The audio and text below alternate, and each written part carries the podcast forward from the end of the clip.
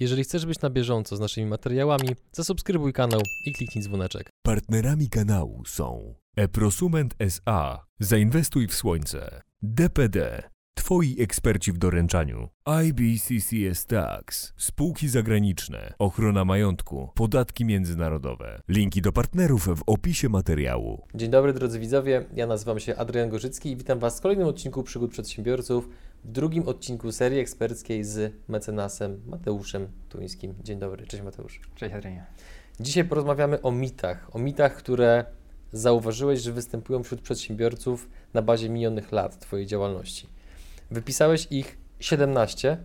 Myślę, że nawet po, po, jestem ciekaw, czy widzowie op, oprócz tego, co tutaj będzie dzisiaj omówione, wychwycą jeszcze jakieś inne dodatkowe. Jeżeli tak, to proszę piszcie w komentarzach i oczywiście też piszcie, czy z pozo- pozostałymi mitami, które wypisał Mateusz się zgadzacie, czy też nie. A my, nie przedłużając, od razu przechodzimy do pierwszego punktu. Dajemy. Jeśli działalność gospodarcza jest zarejestrowana na mnie, to przedsiębiorstwo należy do mnie, a nie do żony, a zatem nawet po rozwodzie to ja będę wyłącznym właścicielem. Więc bez względu na to, czy to żona prowadzi przedsiębiorstwo, czy to mąż prowadzi przedsiębiorstwo, jeżeli powstała firma, mówiąc tak jakby skrótowo, w trakcie trwania związku małżeńskiego, to ona wchodzi do wspólności majątkowej małżeńskiej. Czyli teoretycznie Twoja przyszła żona nie będzie miała praw do Twojej firmy tutaj związanej, gdybyś to prowadził w ramach jednoosobowej działalności, bo to jest z czasów kawalerskich. Ale jeżeli Ty byś założył działalność już po zawarciu związku małżeńskiego, to ona ma prawa do połowy. Teraz pytanie, co to znaczy prawa do połowy? Czy to znaczy, że może się sprzeciwiać temu, żebyś zawierał jakieś kontrakty? Czy to znaczy, że może Ci narzucać, jak masz rozwijać swoją działalność? No otóż nie. Zasadniczo Ty prowadzisz, Ty odpowiadasz, ale jeżeli będziecie się rozwodzić, a później dzielić majątek, no to jej się należy połowa wartości Twojej firmy.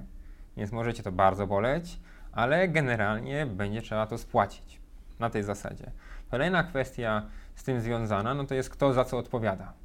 Bo czysto teoretycznie prowadzisz biznes, powiedzmy jakiś ryzykowny biznes, stwierdziłeś po co mi spółki, po co mi koszty pełnej księgowości, lecę na spontanie, jestem tutaj samobójcą, jedna osoba działalność i robię deale na kilka milionów. I kto za to odpowiada i w jakim zakresie? No otóż odpowiadasz ty jako przedsiębiorca i żona, jeżeli ona by wyraziła zgodę na piśmie na to, żeby zawierał dane kontrakty. Czyli na przykład zawarłeś kontrakt z dostawcą akumulatorów z Chin i ona wyraziła zgodę, bo był reprezentowany przez jakiś podmiot dystrybutora polskiego, no to wtedy mogą to prowadzić egzekucję w przypadku zasądzenia kosztów dla nich i z majątku Twojego osobistego, czyli z czasów kawalerskich i ze wszystkiego, co stworzyliście razem w trakcie związku małżeńskiego. Druga sytuacja jest taka, kiedy no, małżonka nie wiedziała, bo często jest tak, że w ogóle nie wie, na zasadzie wie, że wracasz o 22 do domu, jest na to zła, ale wie, że zarabiasz miliony i jakby toleruje to. Tylko nagle się okazuje, że tych milionów nie ma, są długie i co wtedy? No i wtedy ten komornik prowadzi egzekucję z Twojego majątku, który zarobisz, czyli jakiejś tam pensji, innych tego typu y, dochodów, prowadzi swojego majątku osobistego z czasów kawalerskich i może egzekwować z majątku, który wchodzi w przedsiębiorstwo. Czyli jeżeli masz jakieś rzeczy na firmę, to to może zajmować i to egzekwować. Ale jeżeli przyjdzie do Was do mieszkania i nagle będzie chciał zlicytować mieszkanie, generalnie to jest w ogóle proces y, dość długi, ale załóżmy mieszkanie, telewizor, no to wtedy można to zablokować. Jak sobie z tym radzić? Co robić z tym innym? Intercyza. To jest takie magiczne słowo. Ty chcesz ze mną intercyzę, nie ufasz mi, nie chcesz mi dać pieniędzy, a to jest rozwiązanie, które paradoksalnie nie jest dobrym rozwiązaniem, tylko trzeba pamiętać, że intercyza jakby nie rozwiązuje wszystkich problemów, bo intercyza jest wtedy skuteczna, kiedy kontrahent powiedzmy o tym często powinien wiedzieć, że takie coś jest. Można przed zawarciem związku małżeńskiego, można po zawarciu związku małżeńskiego. Intercyza, bo taka formuła nie istnieje w żadnym z kodeksie, to jest tak naprawdę umowa małżeńska, że ustanawiamy rozdzielność. I to jest jakby pierwsze rozwiązanie. Drugie rozwiązanie jest takie, że na przykład tworzymy spółkę i w ramach tej spółki na przykład w ramach wkładu aportem wkładamy Twoje przedsiębiorstwo i wyodrębniamy ten byt do Twojego majątku osobistego. Można to zrobić nawet w trakcie trwania związku małżeńskiego i temat jest jakby załatwiony. Więc warto o tym pomyśleć, zwłaszcza w perspektywie takiej, że jeżeli nagle motylki odfruną, jeżeli nagle się Tak okaże, że e, nadejdzie ten smutny moment rozstania, często w nienawiści i trzeba będzie dzielić majątek, to jeżeli stworzyliśmy naprawdę fajną firmę, to możemy dostać tylko nią, a wszystkie inne rzeczy będziemy chcieli oddać w ramach wzajemnych rozliczeń i o tym warto pamiętać. Mhm. Dobra, to mit numer dwa. Posiadanie cichego wspólnika zawsze powinno budzić wątpliwości kontrahentów.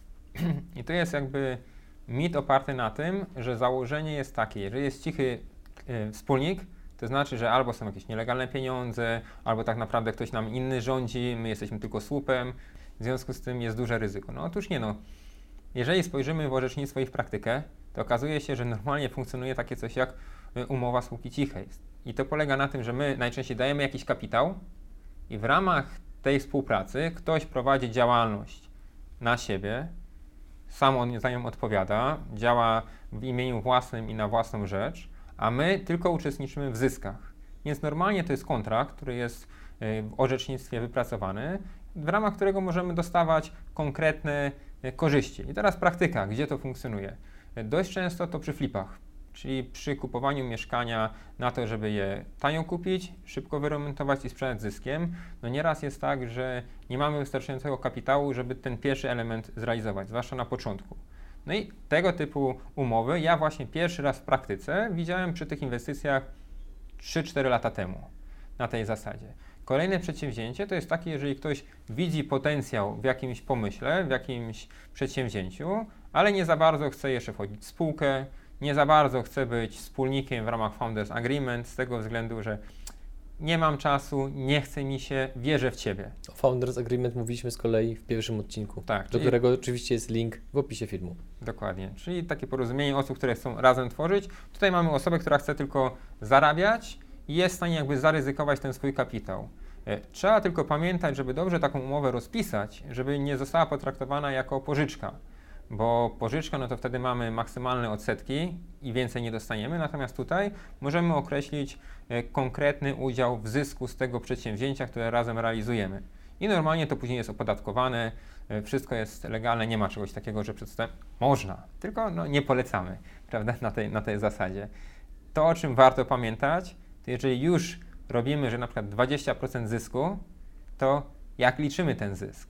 Czy liczymy zysk, tak jak to mówią ustawy podatkowe, czyli wszystkie koszty odejmujemy od przychodu i zostaje nam zysk albo i nie zostaje, czy wprowadzamy własne regulacje? A możemy wprowadzić i to jest jakby z praktyki pokazuje, że warto takie regulacje robić. Dobrym przykładem jest branża budowlana, w której na pierwszym etapie inwestycji masz te koszty no, dość wysokie, bo musisz zapewnić tą roz, rozruch inwestycji. Później dopiero tak naprawdę zaczynasz na tym zarabiać. I teraz warto w takiej umowie napisać, że ten zysk to będą na przykład przychody minus koszty związane z wyprodukowaniem jakiegoś, jakiegoś przedmiotu albo jakiejś usługi, związane z pracownikami, związane na przykład z reklamą, ale już tam nie będzie wchodziła rata leasingu za Twoje auto, już tam nie będą Twoje podróże służbowe wchodziło i dzięki temu może się okazać, że faktycznie ten zysk zobaczysz. Bo jeżeli gdzieś w, tym gdzieś w tej umowie ktoś będzie nielojalny, no to może być problem, że zainwestowałeś, ktoś rozwija, ale ty nie masz udziału w tym przedsięwzięciu, w przedsiębiorstwie tej osoby, tylko masz w zyskach. No a to Mhm. łatwo można e, oszukać. W tym zakresie można kogoś oszukać. To mit numer 3. Spółka cywilna to spółka tak samo jak na przykład spółka jawna czy spółka ZO. To, to jest w ogóle fantastyczne. Naprawdę ktoś tak myśli? Bardzo dużo osób myśli. Okej, to Jakby- rozwiń proszę. Powiem, bardzo dużo osób myśli, zwłaszcza z tych firm, które powstawały w latach 90., bo wtedy spółka cywilna była w ogóle top of the top, najczęściej wybieraną spółką, bo ma to hasło spółka. A tak naprawdę to nie jest spółka, tylko to jest umowa w ramach wspólnego przedsięwzięcia przez dwóch przedsiębiorców. I tak naprawdę, jeżeli zobaczymy na jakąkolwiek umowę zawieraną ze spółką cywilną, to jest napisane Jan Kowalski prowadzący działalność taką, Jan Nowak prowadzący działalność taką, wspólnie działający w ramach spółki cywilnej takiej. I teraz co to oznacza? To oznacza, że trzeba mieć ogromne zaufanie pomiędzy Kowalskim i Nowakiem, bo jeżeli którykolwiek coś źle zrobi w ramach tej spółki, to wierzyciel ma do wyboru. Albo idę do Kowalskiego, albo idę do Nowaka, albo idę do obu. Jeżeli się okaże, że Nowak nic nie ma, to nagle wszystkie długi będziesz spłacać ty. I mnóstwo osób myśli, że to jest jak spółka, ona tylko ma swój majątek, bo faktycznie ma swój NIP, swój REGON, swoją jakby masę e, majątkową i z tego się zaspokoi wierzyciel i ja jestem bezpieczny. No, no nie, ty normalnie odpowiadasz tam solidarnie z innymi wspólnikami całym swoim majątkiem. Z tymi ograniczeniami, co wcześniej mówiliśmy o małżonkach. Ale zasadniczo jest to bardzo ryzykowne, więc nazwa spółka cywilna jest bardzo myląca i paradoksalnie bardzo dużo osób myśli, że to jest spółka. Nie, to jest zwykła umowa, w której my występujemy jako osoby fizyczne. Mhm. Czemu się uśmiechnąłeś, jak wspomniałeś o tym, że trzeba mieć bardzo duże zaufanie wobec... Z tego Jakaś prost- historia się przypomniała, czy coś takiego, czy, czy dlaczego? Takich przygód jest kilka, które były. No na przykład była sytuacja e, taka, że właśnie w ramach spółki cywilnej była realizowana szybka inwestycja budowlana.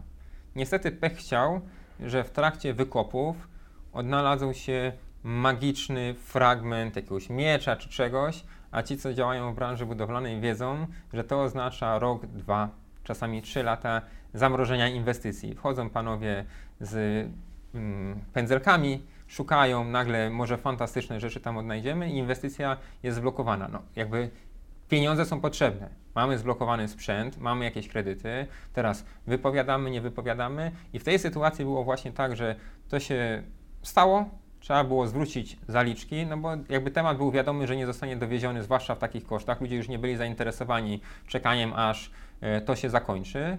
No i jeden z tych kontrahentów, z tych wspólników stwierdził, że no słuchaj, to ty wybierałeś, ty znalazłeś tą lokalizację, w ogóle w, tym momencie mam to w głębokim poważaniu. Ja nic tutaj nie będę spłacać.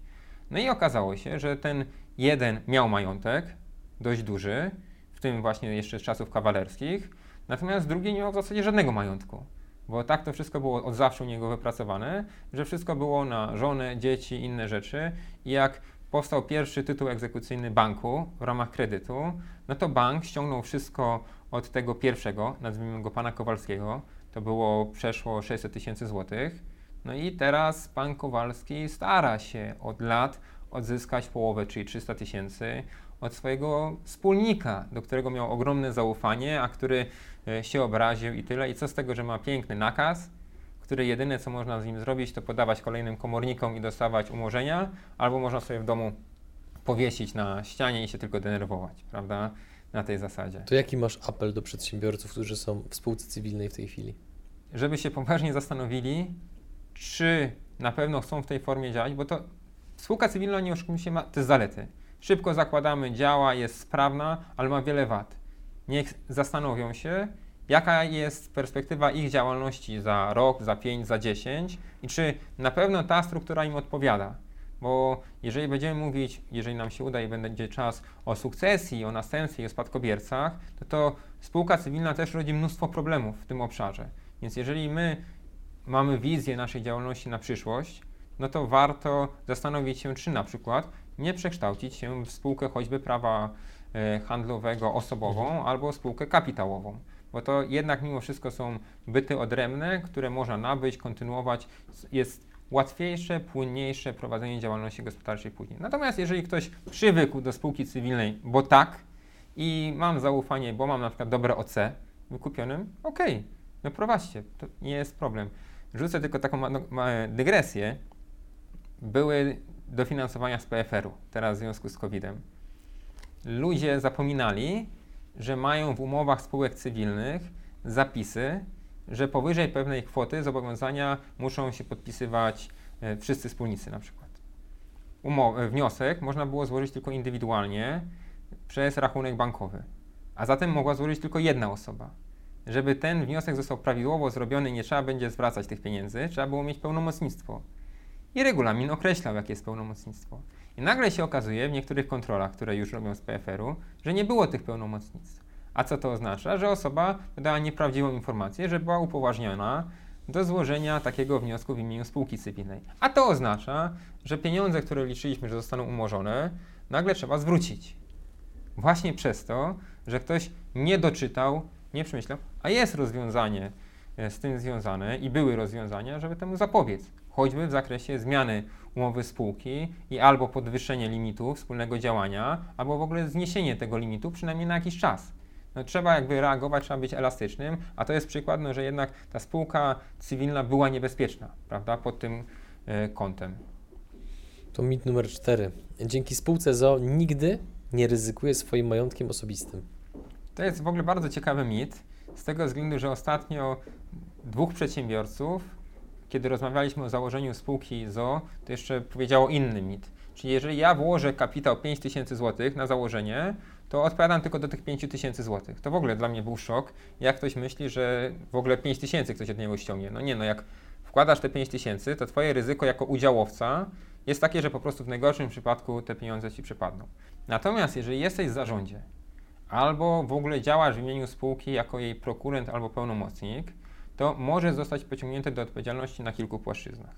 Jeżeli masz spółkę ZO, no to zarząd odpowiada po pierwsze w stosunku do spółki, a po drugie odpowiada też w stosunku do wierzycieli.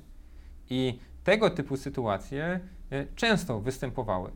Taki przykład bardzo fajny. Była spółka, w ramach której były świadczone usługi też z branży budowlanej.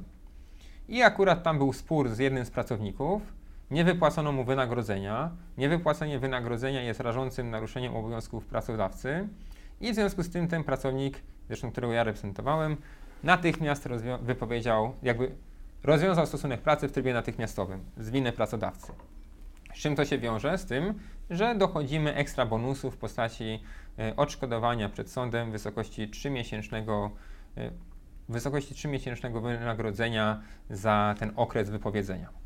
I teraz spółka stwierdziła, że ma to w głębokim poważaniu, ona ma problemy finansowe, nie ściągniemy. No i okej, okay, wszystko pięknie, ładnie. Skończyliśmy, dostaliśmy wyrok zaoczny, nie został wniesiony e, sprzeciw, w związku z czym my e, skierowaliśmy to do komornika. Faktycznie okazało się, że spółka nie ma majątku, jesteśmy gdzieś tam daleko w liście, chociaż co istotne, te zobowiązania pracownicze są stosunkowo wyżej od tych zwykłych. Ale wtedy są takie magiczne przepisy, jak na przykład możliwość pociągnięcia do odpowiedzialności karnej prezesa zarządu i generalnie całego zarządu za to, że nie realizują wyroku sądu pracy. Nagle się okazało, że pani, która w zasadzie mało co tam robiła, bo działał głównie prokurent, no jednak nie chce odpowiadać karnie. I nagle pieniądze się znalazły.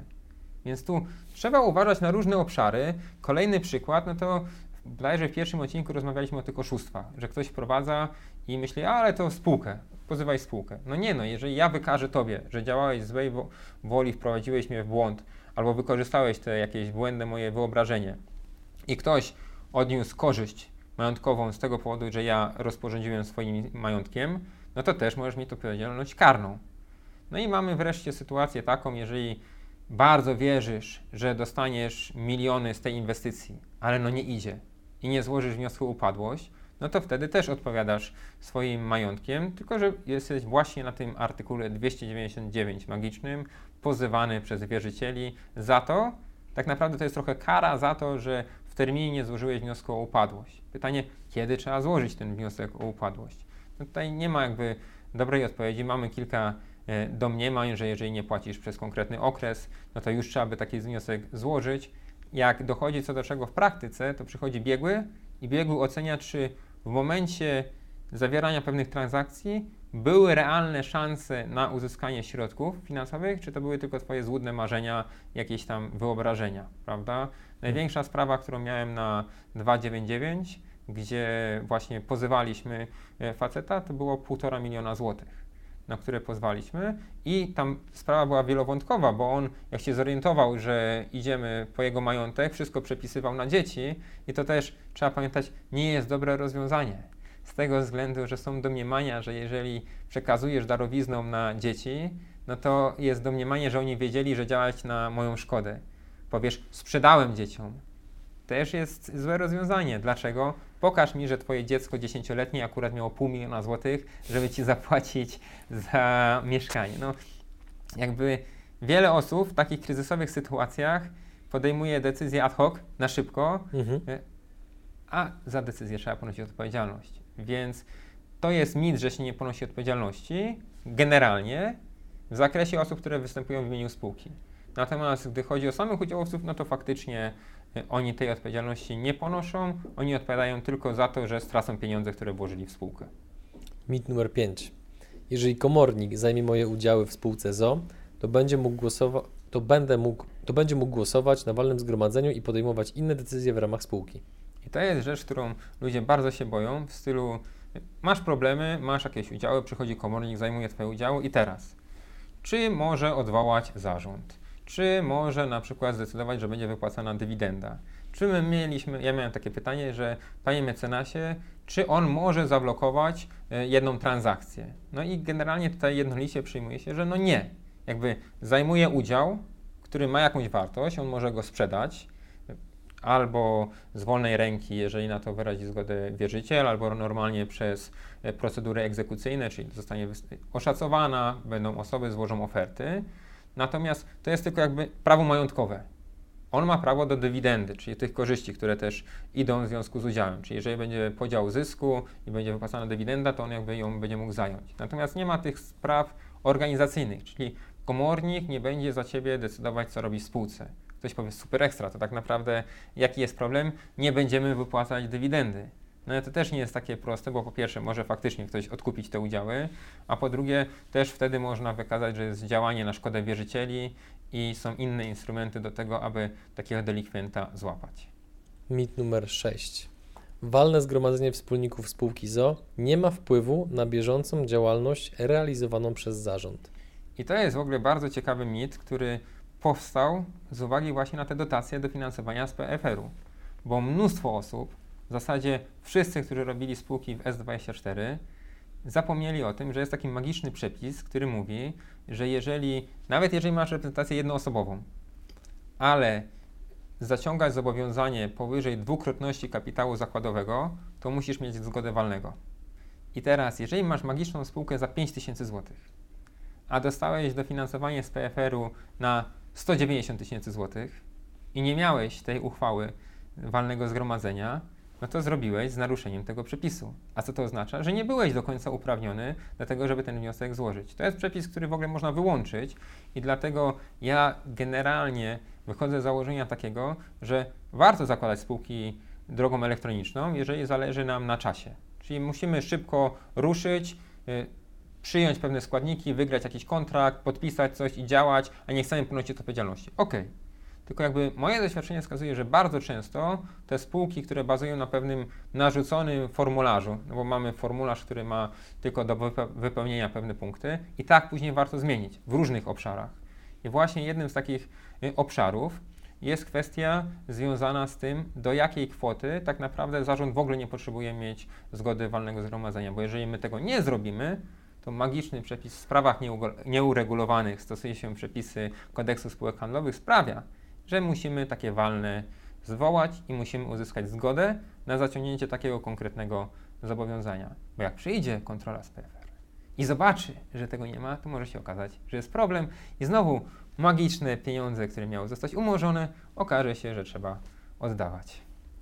Mit numer 7. Zawsze można konfliktowego wspólnika usunąć ze spółki ZO. Jeżeli napiszesz dobrze umowę, no w zasadzie tak. Natomiast jeżeli nie, no to to jest obarczone wieloletnimi sporami. Najdłuższy spór, który my prowadziliśmy w ramach kancelarii o wykluczenie wspólnika, udziałowca ze spółki, trwał 5,5 roku. Normalnie 5,5 roku walczyliśmy o to i ten człowiek cały czas tam był. Dopiero po trzech latach udało się uzyskać zawieszenie e, jego jakby praw w spółce. Bo jakby totalnie bombardował. W zasadzie my już założyliśmy inną spółkę, która przejęła biznes, a ta tam dogorywała, co była bardzo fajną, perspektywistyczną spółką. Dlaczego?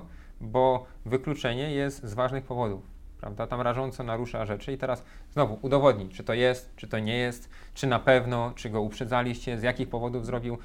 Im więcej ocenności, możliwości takiego ocennego, subiektywnego podejścia, tym większe ryzyko. I teraz my możemy wprowadzić do umowy spółki na przykład zapisy dotyczące przymusowego umorzenia udziałów. Czyli to jest taka sytuacja, że podejmujemy uchwałę, umarzamy czyjeś udziały, spłacamy go, on dostaje pieniądze, ale my normalnie możemy prowadzić spółkę. To też jest rzecz, na którą trzeba zwrócić uwagę, że y, nie, ona nie nadaje się, w mojej praktyce, do spółek z kapitałem 5000 zł. Bo jeżeli minimalny kapitał spółki ZO to jest 5000 zł i my chcemy komuś umorzyć, to ma 2,5, no to nagle się okaże, że trzeba jeszcze inne rzeczy porobić, aby do tego kapitału dojść. Dlatego ja najczęściej, jeżeli już robimy z minimalnym kapitałem, to jest 10 tysięcy złotych, bo to jednak daje większe pole e, manewru, gdy chodzi o takie działanie. Dlatego e, meritum tego jest takie, że warto uregulować wprost w umowie takie sytuacje jak na przykład, jeżeli ktoś nie przychodzi trzy razy z rzędu na nadzwyczajne walne zgromadzenia. jeżeli ktoś prowadzi działalność konkurencyjną, bo pamiętajmy o tym, że jeżeli jesteś w zarządzie spółki ZO i nie zadbasz o wyłączenie tego zakazu, to ty masz zakaz prowadzenia działalności konkurencyjnej. Ile osób o tym pamięta? Prezesów. Ile osób ma tak, że ma e, swoją działalność jednoosobową, którą robi jakieś tam deale, a ileś tych rzeczy robi na spółce? No trzeba takie coś sobie wyłączyć. Więc działalność konkurencyjna to kolejna. E, nadużycie zaufania. Czyli na przykład jeżeli wystawiamy lewe faktury, poświadczamy nieprawdę, wprowadzamy w błąd innych wspólników, nie realizujemy na przykład poleceń Rady Nadzorczej, prawda? A jesteśmy też w zarządzie. No, różne jakby są instrumenty, jesteśmy na tyle chorzy, że nie jesteśmy w stanie swobodnie uczestniczyć w działalności spółki, prawda? A na przykład trzeba podjąć jakąś ważną uchwałę. No i zanim przeprowadzimy procedurę na przykład ubezwłasnowolnienia takiej osoby, która leży na ojomie i ledwo tam funkcjonuje, no to to trwa. A działalność gospodarcza no cały czas idzie do przodu. Konkurencja nie stoi, nie czeka. A no to jest fajny podmiot, poczekajmy tutaj na ziomków, yy, nie rozwijajmy tutaj produktów, no bo jednak jak z nimi konkurujemy, to lepiej nam idzie. No nie no, my gdzieś tam zostaniemy, oni wylecą w górę, jak o to mhm. nie zadbamy, no to będzie poważny, poważny problem. Dlatego warto w tej umowie, a tego nie ma w formularzach z ministerstwa, ustalić sytuację, kiedy możemy przymusowo umorzyć udziały, plus na jakich zasadach będziemy je spłacać. Bo to też jakby klauzula w stylu mamy spółkę wartą 10 milionów złotych, ale została założona na etapie, jak były udziały po 100 zł za 5 tysięcy i my mu damy, a słuchaj, 2,5 tysiąca i nara, prawda, i umarzamy. No to tak nie, nie działa, prawda? W zasadzie trzeba też przewijać te procedury, żeby to pospłacać. Mit numer 8. Jeżeli wskażę autora, to mogę wykorzystać cudzy utwór w swojej działalności gospodarczej. To jest najpiękniejszy mit. E, najbardziej lubię kwestię wykorzystywania cudzych utworów muzycznych. Jeżeli dam trzy nuty, to ja mogę, jak pięć to może, ale jeszcze nie wiem, ale dziesięć to już jest naruszenie.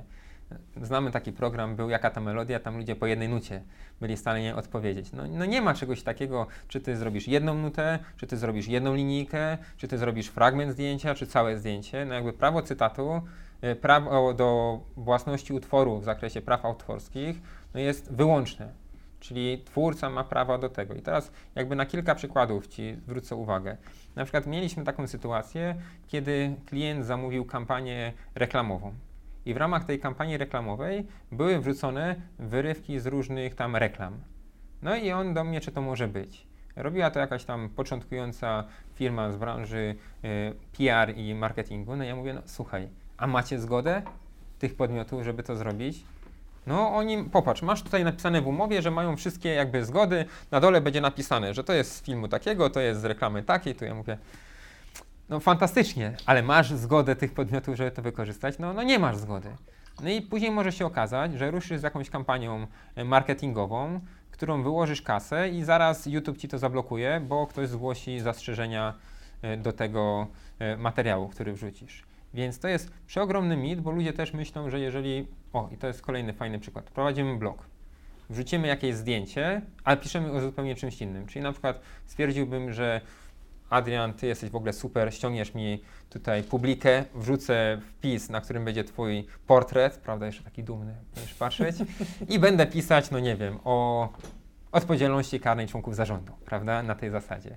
No i może dzięki temu zdjęciu, jeżeli ktoś zobaczy miniaturkę, to o, może będzie wywiad z Adrianem. W końcu on z drugiej strony, jemu ktoś pozadaje pytania, wejdę i kliknę. I nawet jak ja napiszę, że to zdjęcie pochodzi z swojej strony, nawet z swojego LinkedIna, i ja je pobrałem i ty jesteś autorem i wszystko, no to to nie jest prawo cytatu. Bo prawo cytatu jest tylko wtedy, kiedy realizuje cele cytatu, czyli analiza, krytyka, y, jakieś cele naukowe, twórczość mhm. taka specjalna. Czyli muszą być te cele spełnione. Ludzie wierzą w mit, że jeżeli ja napiszę, że ściągnąłem to ze strony takiej i takiej i autorem jest ten i ten, to już jest git. Prawda? No to tak nie działa. Jeżeli ty chcesz wykorzystać cudze zdjęcie, no to opisz. Dlaczego je wykorzystujesz? Na przykład mamy tutaj zdjęcie Adriana, który jest ubrany w kratę, która pochodzi w ten i teraz zrobimy wywód na temat takiego stroju. I wtedy mogę wykorzystać takie zdjęcie, bo jakby analizuję. Świetnym tutaj jakby materiałem edukacyjnym, który gorąco polecam tutaj czytelnikom, to jest zabawy z prawem autorskim autorstwa pana profesora Barty. Jakby cała książka opiera się na tym, że są różne zdjęcia i kiedy jest naruszenie, kiedy nie ma naruszenia, kiedy coś jest utworem, kiedy coś nie jest utworem. Spory na przykład z hasłem Solidarność. Tam jest fantastycznie napisane, e, kiedy można to wykorzystać, kiedy nie można wykorzystać. I właśnie na tej zasadzie e, ten mit funkcjonuje, a on jest bardzo niebezpieczny, no bo można dostać poważnym rykoszetem i utopić ogromne pieniądze. Więc moi drodzy, to, że napiszecie czyje to jest, nie zmienia faktu, że to dalej jest tej osoby i nie możecie tego cytować, jeżeli nie spełnicie wymagań przewidzianych dla prawa cytatu. Mit numer 9. Pracodawca zawsze nabędzie prawa autorskie do prac swoich pracowników. W pierwszym wywiadzie śmialiśmy się z umowy oddziału księgowego na jedną stronę A4, umowa o pracę i wszystkie rzeczy, co tam są opisane, te minimalne. Nie ma zapisu o prawach autorskich. No i ustawa jest taka, że co do zasady pracodawca nabywa te prawa, ale w zakresie łączącego stosunku prawnego i zakresu obowiązków. Teraz, jak ja robię liczne audyty, to uwierz mi, mało kto ma w ogóle do umów o pracę zrobione zakresy obowiązków. Albo ma je tak ogólne, na zasadzie programista, programowanie. No, fantastycznie. O, to, to, to, mi poniosłeś naprawdę, to ja już wiem. No, trzeba wskazać, co jest. Zresztą y, bardzo często ludzie starają się optymalizować koszta, co prowadzi jakby do tego, żeby też przedsiębiorca w postaci, przedsiębiorca, pracownik w osobie takiego programisty uzyskiwał więcej pieniędzy na rękę i wtedy rozliczamy te wyższe koszty uzyskania przychodu. Ale żeby to zrobić, to my musimy wykazać, że przez ten dodatkowy okres była działalność twórcza. Więc samo wpisanie, że 90% to jest działalność twórcza, a 10 to jest inna, no to jest bezskuteczne. Jakby jeżeli przyjdzie kontrola skarbowa, no to tak nie działa. Trzeba faktycznie wykazać, że w tym okresie ta działalność była twórcza, że powstały takie konkretne utwory i one nam nie przeszły. A kolejnym problemem no to jest e, kwestia związana właśnie z prawami zależnymi. Tak jak opowiadaliśmy, no dzięki temu można wynegocjować e, różne rzeczy. Była sytuacja taka, kiedy e, jeden podmiot realizował dla dużego podmiotu z branży finansowej projekt. W ramach tego projektu był właśnie programista, który miał umowę o pracę na takich zasadach, jak tutaj powiedzmy opisanych, czyli na jedną stronę. Co więcej, miał załącznik do tej umowy w zakresie praw autorskich. Tylko, że problem tego polegał na tym, że były ładnie pola wypisane, ale nie było praw zależnych.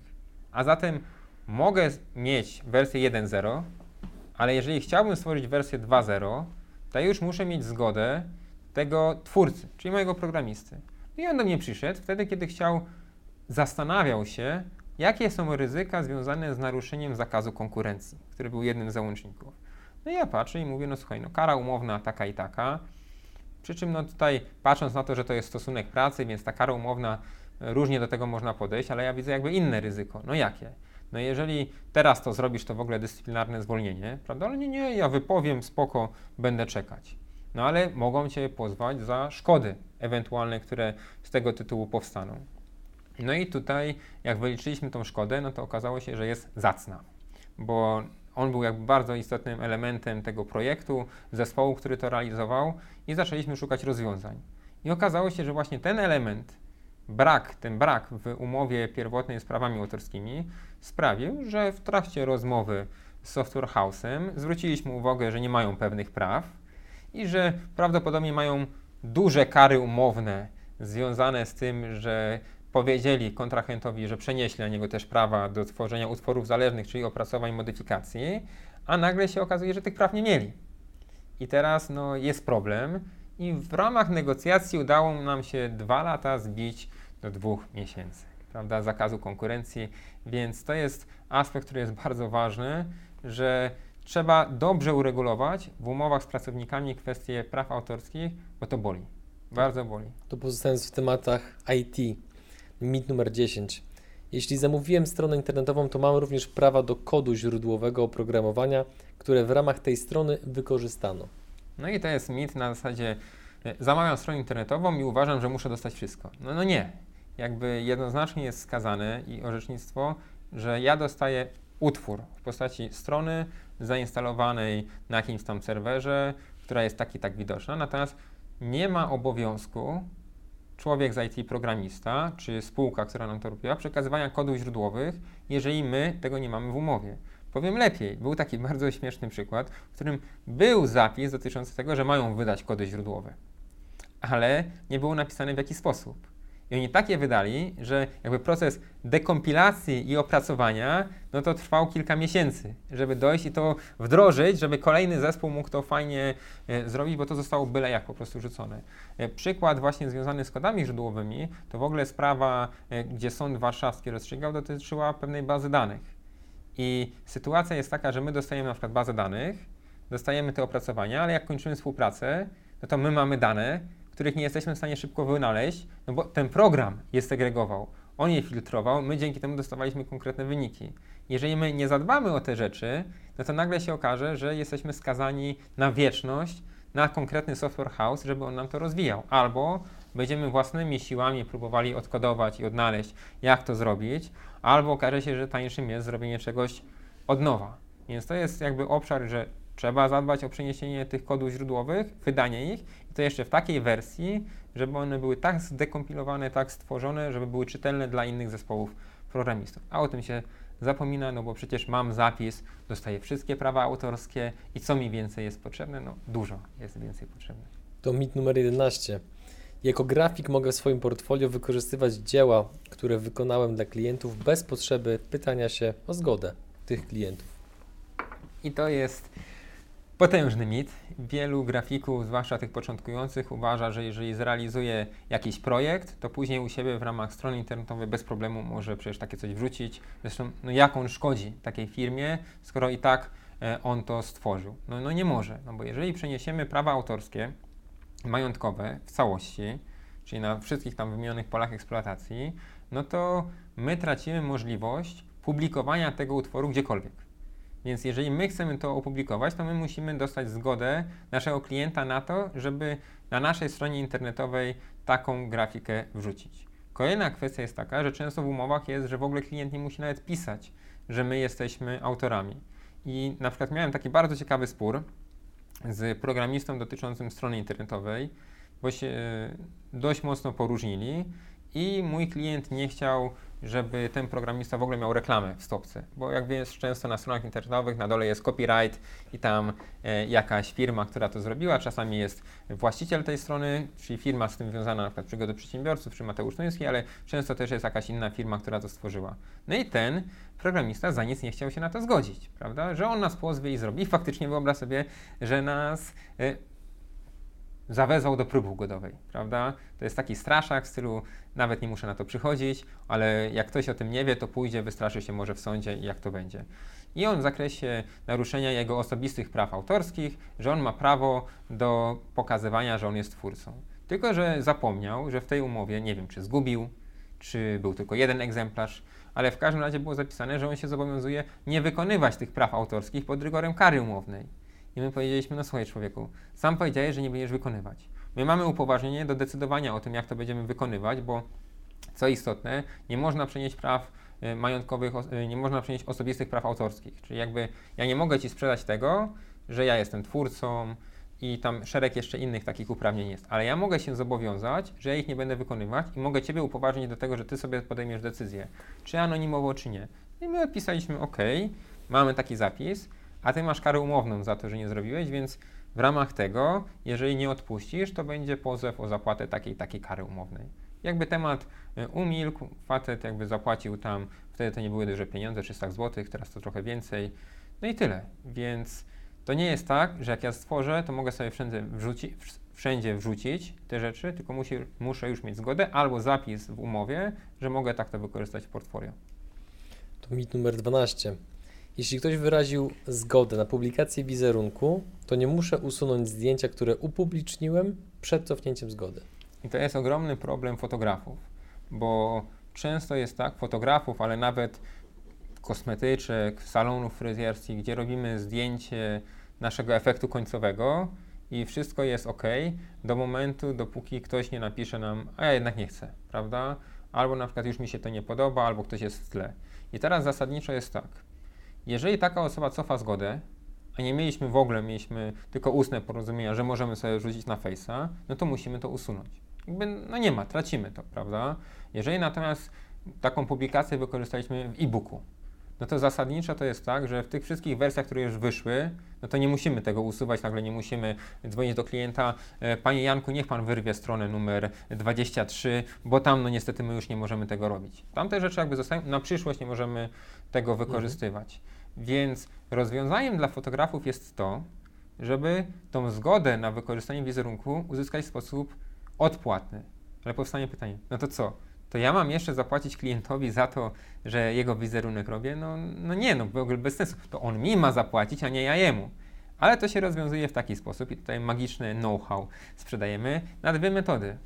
Albo ktoś dodatkowe ujęcie dostaje bez tego wynagrodzenia i jakby w zamian za to ujęcie on nam udziela zgody.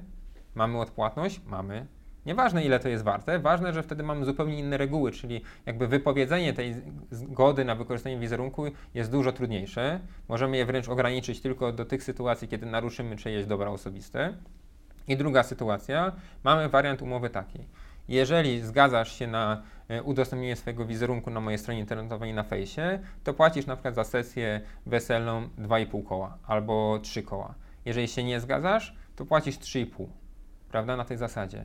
Wybierasz wariant za 2,5 albo 3, super, jest odpłatność, dostałeś rabat, dostałeś rabat. I znowu wchodzimy w takie rozwiązania, e, które nas zabezpieczają przed klientami, którzy nagle zmienili zdanie. Zwłaszcza miałem kilka takich porad, gdzie małżonkowie się rozwodzili i któraś ze stron bardzo nie chciała, żeby na stronie jeszcze istniały zdjęcia ich wspólne i występowali nawet jedna sprawa to jest zawezwania do próby ugodowej, mnóstwo jakichś tam wezwań z kancelarii prawnych, no i wszystko jakby się opierało, jeżeli ktoś dobrze to rozpisze i ureguluje, no to ok, jeżeli będzie tylko na podstawie gentleman agreement albo istn, innych ustnych porozumień, no to nagle się okaże, że możemy coś stracić. Inna sprawa, że często dla świętego spokoju po prostu to usuwamy, bo ktoś nam da negatywny komentarz i tak dalej, po co nam to? No ale warto się zastanowić, bo jeżeli zrobimy, nie wiem, film z jakiejś prezentacji i na przykład wycięcie tej osoby to jest naprawdę mega problem, a film ma y, oglądalność kilku milionów użytkowników, no to warto by było wiedzieć, jak się przed tym zabezpieczyć. To mit numer 13. Umowa na mailu jest równoznaczna z umową na piśmie. No to, to jest w ogóle fantastyczne. Nawet ostatnio miałem taką sytuację, wypracowaliśmy porozumienie zamykające pewien spór związany właśnie, właśnie z serwisem internetowym, gdzie powiedzieliśmy, że spoko, y, przekażemy właśnie kody źródłowe pod warunkiem tego, że otrzymamy umowę w wersji pisemnej z datą wtedy, kiedy my otrzymamy i od tego momentu liczymy 3 dni. Na co pan mi, nie, no przecież wysłałem wam skan na maila, mamy umowę, lecimy. No nie. Jakby forma pisemna to jest forma, która polega na tym, że mamy papier, mamy długopis i podpisujemy się ręcznie na dole. Ewentualnie mamy ten podpis kwalifikowany, który tam jest nie ePUAP, bo ePUAP to nie jest podpis kwalifikowany. Te konkretne kwalifikowane, które trzeba nadbyć konkretny certyfikat, one zastępują jakby formę pisemną. Natomiast e-mail, no, no nie. Nawet jeżeli on, to jest forma dokumentowa w sensie takim, że on jest w stanie potwierdzić nasze oświadczenia, co my ustaliliśmy to jest super. W ogóle, jeżeli my już mamy ustalone w mailu, na co się umówiliśmy, to już jest połowa sukcesu dla prawnika, bo przynajmniej wiemy, jaki jest punkt wyjścia. Kto komu miał zapłacić, za co, w jakim terminie. Natomiast jeżeli na przykład mamy umowę, w której standardowe zapisy, wszelkie zmiany umowy wymagają formy pisemnej pod rygorem nieważności. Najczęściej tak jest. Albo odbiory wymagają formy pisemnej pod rygorem nieważności. To jeżeli my wyślemy w mailu, odbieram, albo zmieniamy wynagrodzenie, no to to jest nieważne, jakby nie wywołuje skutków. I wtedy jakby spór. No, e-mail to nie jest forma pisemna, a wiele osób myśli, nawet jak wyślę skan i wydrukuję ten skan i druga strona mi podpisze się w swoim miejscu i odeśle mi skan i będę miał skan z dwoma podpisami, no to to nie jest forma pisemna, bo jeden ma swój podpis i skan, a drugi ma podpis tej pierwszej i swój podpis, prawda, ze skanu, więc to, to nie jest to samo. Trzeba po prostu podpisać i o to warto zadbać, a są pewne rzeczy, na przykład kwestia praw autorskich, umowy o przeniesienie majątkowych praw autorskich, możemy, nie, nie zawrzemy na mailach. Jeżeli będzie to w formie maila, to tylko licencja, która jest wypowiadalna. Jeżeli chcemy faktycznie mieć pewność, że dostajemy majątkowe prawa autorskie, to musi być to umowa zawarta w formie pisemnej. A wiele osób o tym zapomina i myśli, że jak ma na mailu umowę, w której dostała wszystkie prawa autorskie, to ma te prawa. Nie ma tak. To mit numer 14. Faktura oznacza, że została zawarta umowa na usługę w niej wskazaną i za kwotę w niej określoną. często jest tak, że osoby uważają, że faktura w ogóle jest najważniejszym bytem w całej umowie i ona zastępuje wszystko.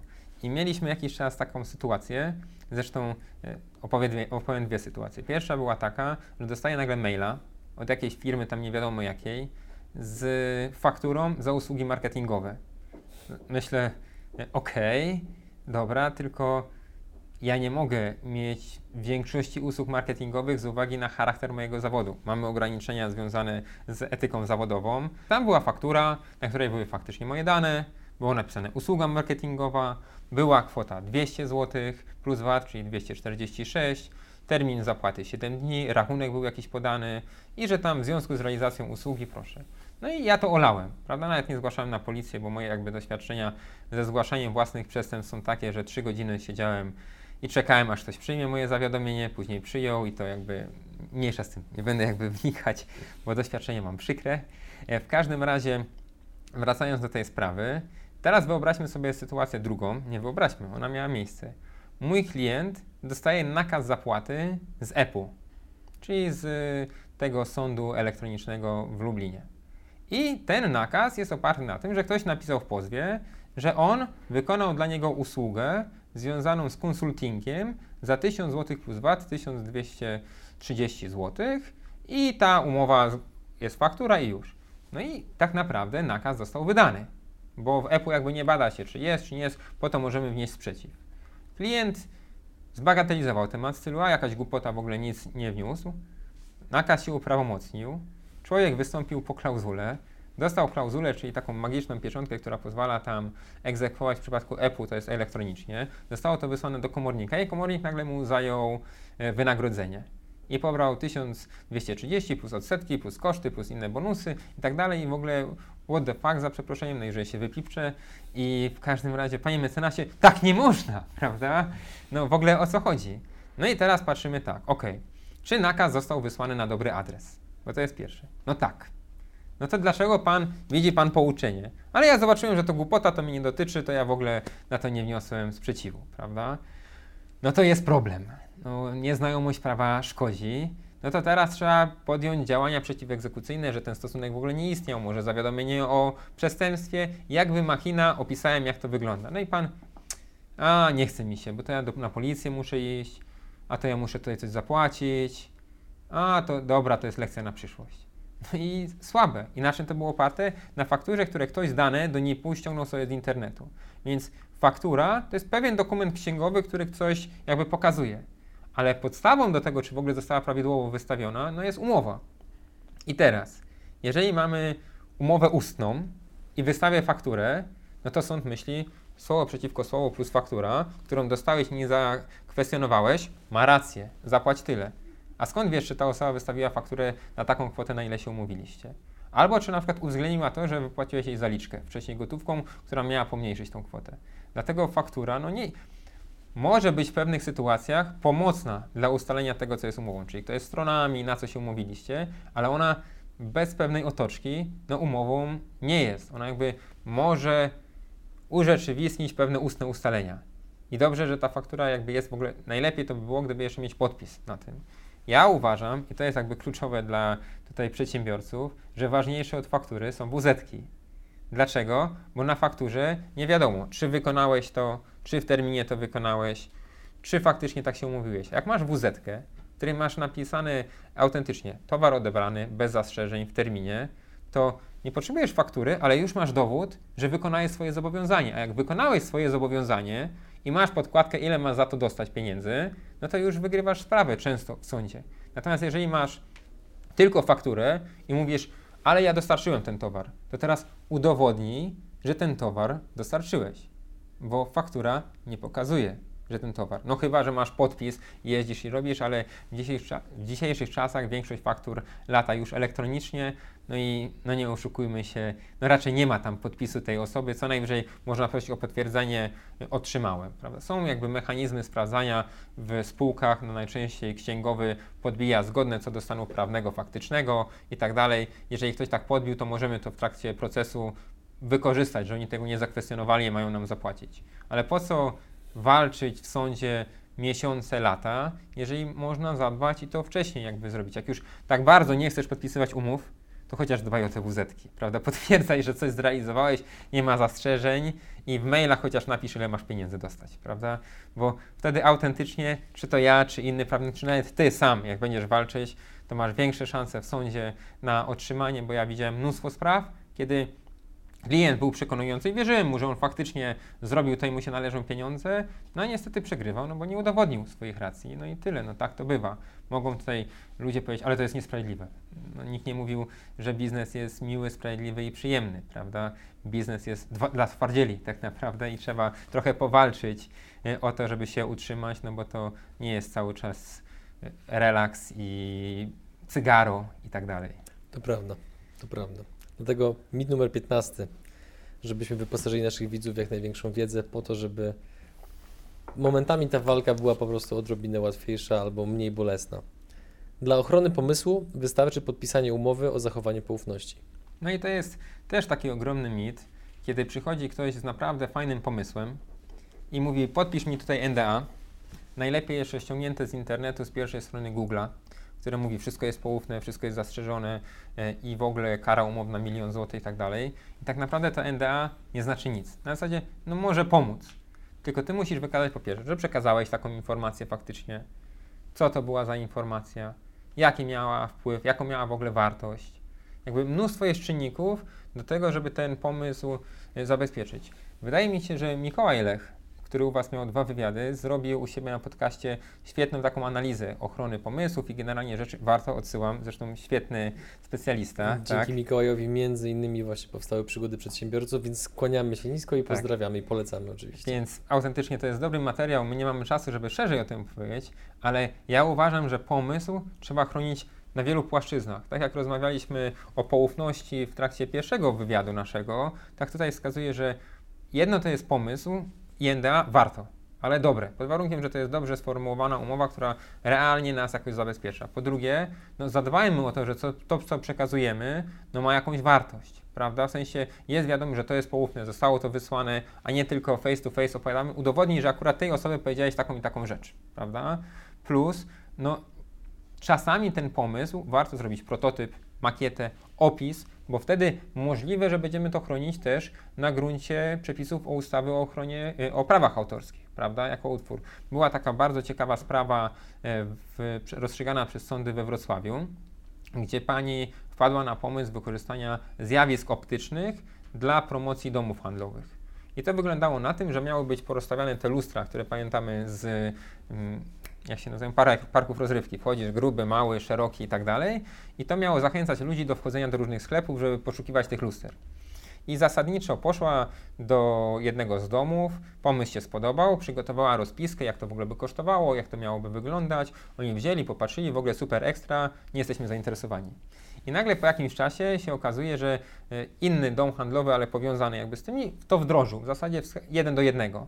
No i ona właśnie wystąpiła z roszczeniami o to, że naruszono jej prawa autorskie akurat w tym przypadku. I dzięki temu, że przedstawiła swój pomysł już w taki sposób skonkretyzowany, czyli to nie było tylko w głowie, tylko właśnie te makiety, rozpiski, ustalenia, jak to miało wyglądać, to uzyskała tą ochronę, prawda? Tam najciekawszym było to, że ona przede wszystkim chciała uzyskać przeprosiny na oficjalnej głównej stronie, a jak wiemy, e, nieraz warto zapłacić dużo więcej niż przez miesiąc mieć przeprosiny na głównej stronie swojego brandu, że my tacy i tacy przepraszamy za naruszenie praw pani takiej i takiej, bo to jest słabe i później pójdzie w świata, w internet, nie zapomina tego typu rzeczy, a mieliście też świetnych gości z zakresu e, brokerki informacji, które myślę, że na pewno by wykryły taką informację i by było, byłoby nieciekawie. To jest prawda, że wstyd jest, poczucie wstydu jest takim dobrym mobilizatorem, żeby uzyskać od drugiej strony to, czego oczekujemy. No tak, to, to jest autentycznie. Zresztą ja często w sporach, gdzie występuję z prawami autorskimi, pieniądze jakby pieniędzmi, prawda? Tak naprawdę y, w wielu przypadkach te pieniądze, co autor myśli, zwłaszcza jak przychodzą do mnie fotografowie, ich zdjęcie zostało wykorzystane i już widzą miliony monet, które dostaną za zdjęcia i mówię, no masz jakiś cennik? Nie, nie, nigdy nie sprzedałem zdjęcia. No to dostaniesz za to zdjęcie 500 zł, prawda? Bo w praktyce ja trzykrotnie miałem taką sytuację w perspektywie ostatnich 12 No spokojnie, 12-6 miesięcy, bo to COVID 12 miesięcy. W każdym razie było tak, że sąd sięgnął do cenników stoków, ile kosztują zdjęcia takiego typu i to było jakby miarą do tego, jak wyliczyć te mhm. adekwatne, e, adekwatną wysokość licencji, wedle której liczymy. Więc nie warto, prawda, tylko podpisać umowy, trzeba to szerzej zadbać, więc jak mamy pomysł, no to warto szerzej go opisać, żeby później było pole do walki, bo pomysł jako taki, to jest jakby klucz tego pytania, podlega ochronie. Bo gdybyśmy mieli y, chronione pomysły, monopol na pomysł, to by się nagle okazało, że nie może powstać Open Office, no bo Microsoft miał już wszystkie uprawnienia do y, rozwiązań takich typów jak Excel czy Word. Mhm. Mit numer 16. Kara umowna zawsze musi być zapłacona w takiej wysokości, jak ustalono w umowie. No i to jest jakby sytuacja taka, że czasami jak widzimy, że nasz kontrahent się zablokował i jak nie zostawimy kary umownej na poziomie milion złotych, to on w ogóle nie podpisze. A na dealu nam zależy, chcemy to podpisać i robimy, no to warto pamiętać o tym, że jest coś takiego jak miarkowanie kary umownej. Czyli jeżeli my mamy milion złotych i faktycznie powstanie coś, za co musimy zapłacić tą karę umowną, to nie oznacza, że my zapłacimy milion złotych, bo możemy wskazać, że to jest zupełnie nieadekwatne. Są różne okoliczności, które się bada, wskazuje, złą wolę i tak dalej, i nagle się może okazać, że tak naprawdę my zapłacimy 5 tysięcy, 10 tysięcy. Swego czasu sądy w ogóle miały taki standard, na przykład przy poufnościach że zasądzały tylko 5-10 tysięcy złotych, bo wychodziły z założenia, że e, szanowny przedsiębiorco, jeżeli uważasz, że poniosłeś większą szkodę, to zawsze możesz dochodzić na zasadach ogólnych, o ile masz stosowny zapis w umowie, bo to jest jakby bardzo ważne, że jeżeli masz tylko karę umowną, a nie masz y, dobrych zapisów w umowie, no to masz czasami do wyboru albo kara umowna i już, albo kara umowna i bonus w postaci odszkodowania ponad tą karę umowną, albo tylko odszkodowanie. To też ale jakby już standardem są te zapisy z możliwością dochodzenia dalszego odszkodowania. Ale sądy mocno miarkowały. I teraz wyobraź sobie, weźmy bardziej realnie. Kara umowna za 100 tysięcy, pozywasz o 100 tysięcy, opłata od pozwu 5%, 5 tysięcy wpłacasz, twój prawnik zainkasował 5400, więc już masz 10400 y, plus tam VAT, czyli wychodzi ci już zaraz koło 12 Zaczynasz i sąd ci zasądza z tych 100 e, tysięcy 5 tysięcy. I teraz się okazuje, że musisz zapłacić 95% kosztów postępowania, dostajesz 5 koła i w ogóle no słabo, prawda? I teraz wykaż, że to, co straciłeś, to, to jest z tym związane. Więc kara umowna to wcale nie jest taki super fantastyczny straszak. Chyba, że dobrze ją opiszemy, że właśnie ona jest wynikiem negocjacji, wskażemy dlaczego na tej wysokości, że te informacje dla nas są kluczowe, jeżeli dobrą otoczkę zrobimy tych informacji poufnych, nawet takie preambule, takie umowy o poufność, to wtedy jesteś w stanie przekonać sąd do tego, że ta konkretna kwota przez tych przedsiębiorców była od początku akceptowana na tej wysokości i wtedy dostaniesz taką kwotę jak chcesz. Przecież ja za tego typu naruszenia kary na milion złotych, no ja nigdy takiej nie miałem, nie wiem, nie słyszałem, żeby aż taka kara za tego typu naruszenia padła. No ale może nie widziałem jeszcze to przede mną. To ostatni mit, numer 17. Jeśli odstąpi się od umowy w trakcie jej realizacji, to nie trzeba zwracać dotychczasowych wpłat, a klient zachowuje to, co zrobiłem. I to jest y, duży problem, zwłaszcza w branży budowlanej, bo jeżeli odstąpimy od umowy, to zasadniczo traktuje się to, jeżeli odstąpimy całkiem od umowy, nie będzie to odstąpienie częściowe, że umowa jest traktowana tak, jakby w ogóle nigdy nie została zawarta. Co to oznacza? Że my mamy zwrócić to, co my otrzymaliśmy, czy na przykład całe wynagrodzenie, a kontrahent ma nam zwrócić to, co on utrzymał. I teraz wylicz zakres tych prac, wartość tych prac, które już wykonałeś, w stosunku do tego, ile tak naprawdę dostałeś. To rodzi ogromny problem. Co więcej, jeżeli masz na przykład umowę na usługi marketingowe i zrealizowałeś, umowa jest zawarta na dwa miesiące, źle sobie uregulowaliście kwestię odstąpienia, daliście sobie do umowy i ktoś po miesiącu odstępuje, no bo ma taką możliwość i twierdzi, że to mu nie daje takich lidów, jak planował. I teraz ty musisz mu oddać całą kasę, a weź wylicz, ile jest warte to, co ty świadczyłeś tą usługę. Jak to wyliczyć? No to, to jakby generuje mnóstwo problemów takich praktycznych. Więc my zasadniczo w umowach wprowadzamy taki zapis, że jeżeli odstępujesz, to na przyszłość, czyli to, co do tej pory zostało zrobione, to rozliczamy, robimy sobie jakiś protokół, już ewentualnie kwestia VAT, natomiast na przyszłość, no to okej, okay, ja nie dostaję pieniędzy albo zwracam to, co było na przyszłość zapłacone, resztę y, natomiast nie muszę Ci oddać. Natomiast jeżeli To, co jest, jest dla nas w ogóle nieistotne. Na zasadzie dostaliśmy serwis internetowy, miały być trzy moduły. Po pierwsze, wiemy, że już to jest totalna kaszana, nie jesteśmy w stanie współpracować. To wtedy daję zawsze zapis, że jeżeli to traci jakby sens biznesowy dla mojego klienta, to on może również odstąpić jakby od początku, czyli bierz sobie ten serwis. Ja nie potrzebuję takiego badziewia, oddawaj mi całą kasę. I to jest jakby istotne, żeby być świadomym, jakie ma skutki odstąpienie, bo odstąpienie to nie jest rozwiązanie umowy. Czym innym jest rozwiązanie umowy, nawet w trybie natychmiastowym, a czym innym jest odstąpienie. Więc warto o tym pamiętać.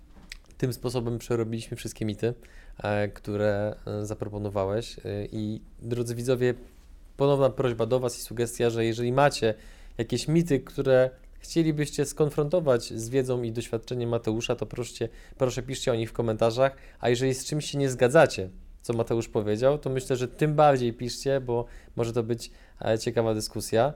Dokładnie, no bardzo chętnie. Jeżeli będą jakieś dyskusje, możemy zrobić, byle to nie było tak. Mój kolega miał taki problem i nagle komentarz na całą stronę i czy to jest mit? No, no nie, no nie będziemy porad prawnych udzielać, ale co do takich mitów, super, ja jestem bardzo otwarty, bo nieraz te mity mnie zaskakują, że faktycznie takie coś Mhm. funkcjonuje. To ja jeszcze poproszę Cię, żebyś powiedział naszym widzom, jak się można z Tobą, z Wami skontaktować i kończymy odcinek. Wchodzimy na opis, na opisie linki na stronę mateusztoński.pl, na stronę spółki partnerskiej, klikacie kontakt i w ten sposób mnie znajdziecie. Możecie mnie zaprosić na fejsie, na LinkedIn, na Golden Line, tak jeszcze istnieje, więc w ten sposób możemy się A kontaktować. numer na gadu-gadu jeszcze masz? Mam, ale nie pamiętam chyba hasła, musiałbym sobie przywrócić, ja nie, pamiętam na jakim mailu miałem. Powiem tak, znając życie i tamte czasy, to albo to była Interia, albo poczta Tak było. Onet, albo jakaś O2, więc pewnie gdzieś mam. Drodzy widzowie, z, z mojej strony ja Wam dziękuję za poświęcony czas. Mam nadzieję, że to, co tutaj Wam zaprezentowaliśmy, przede wszystkim Mateusz zaprezentował, to okaże się dla Was przydatne i uchroni Was od kilku nieprzyjemnych bądź kosztownych błędów. My tymczasem się żegnamy, a Was zachęcamy do tego, żebyście obejrzeli zarówno pierwszy odcinek serii eksperckiej z Mateuszem oraz trzeci, kiedy będzie już opublikowany. Tymczasem do widzenia, cześć, trzymajcie się Do ciepło. zobaczenia.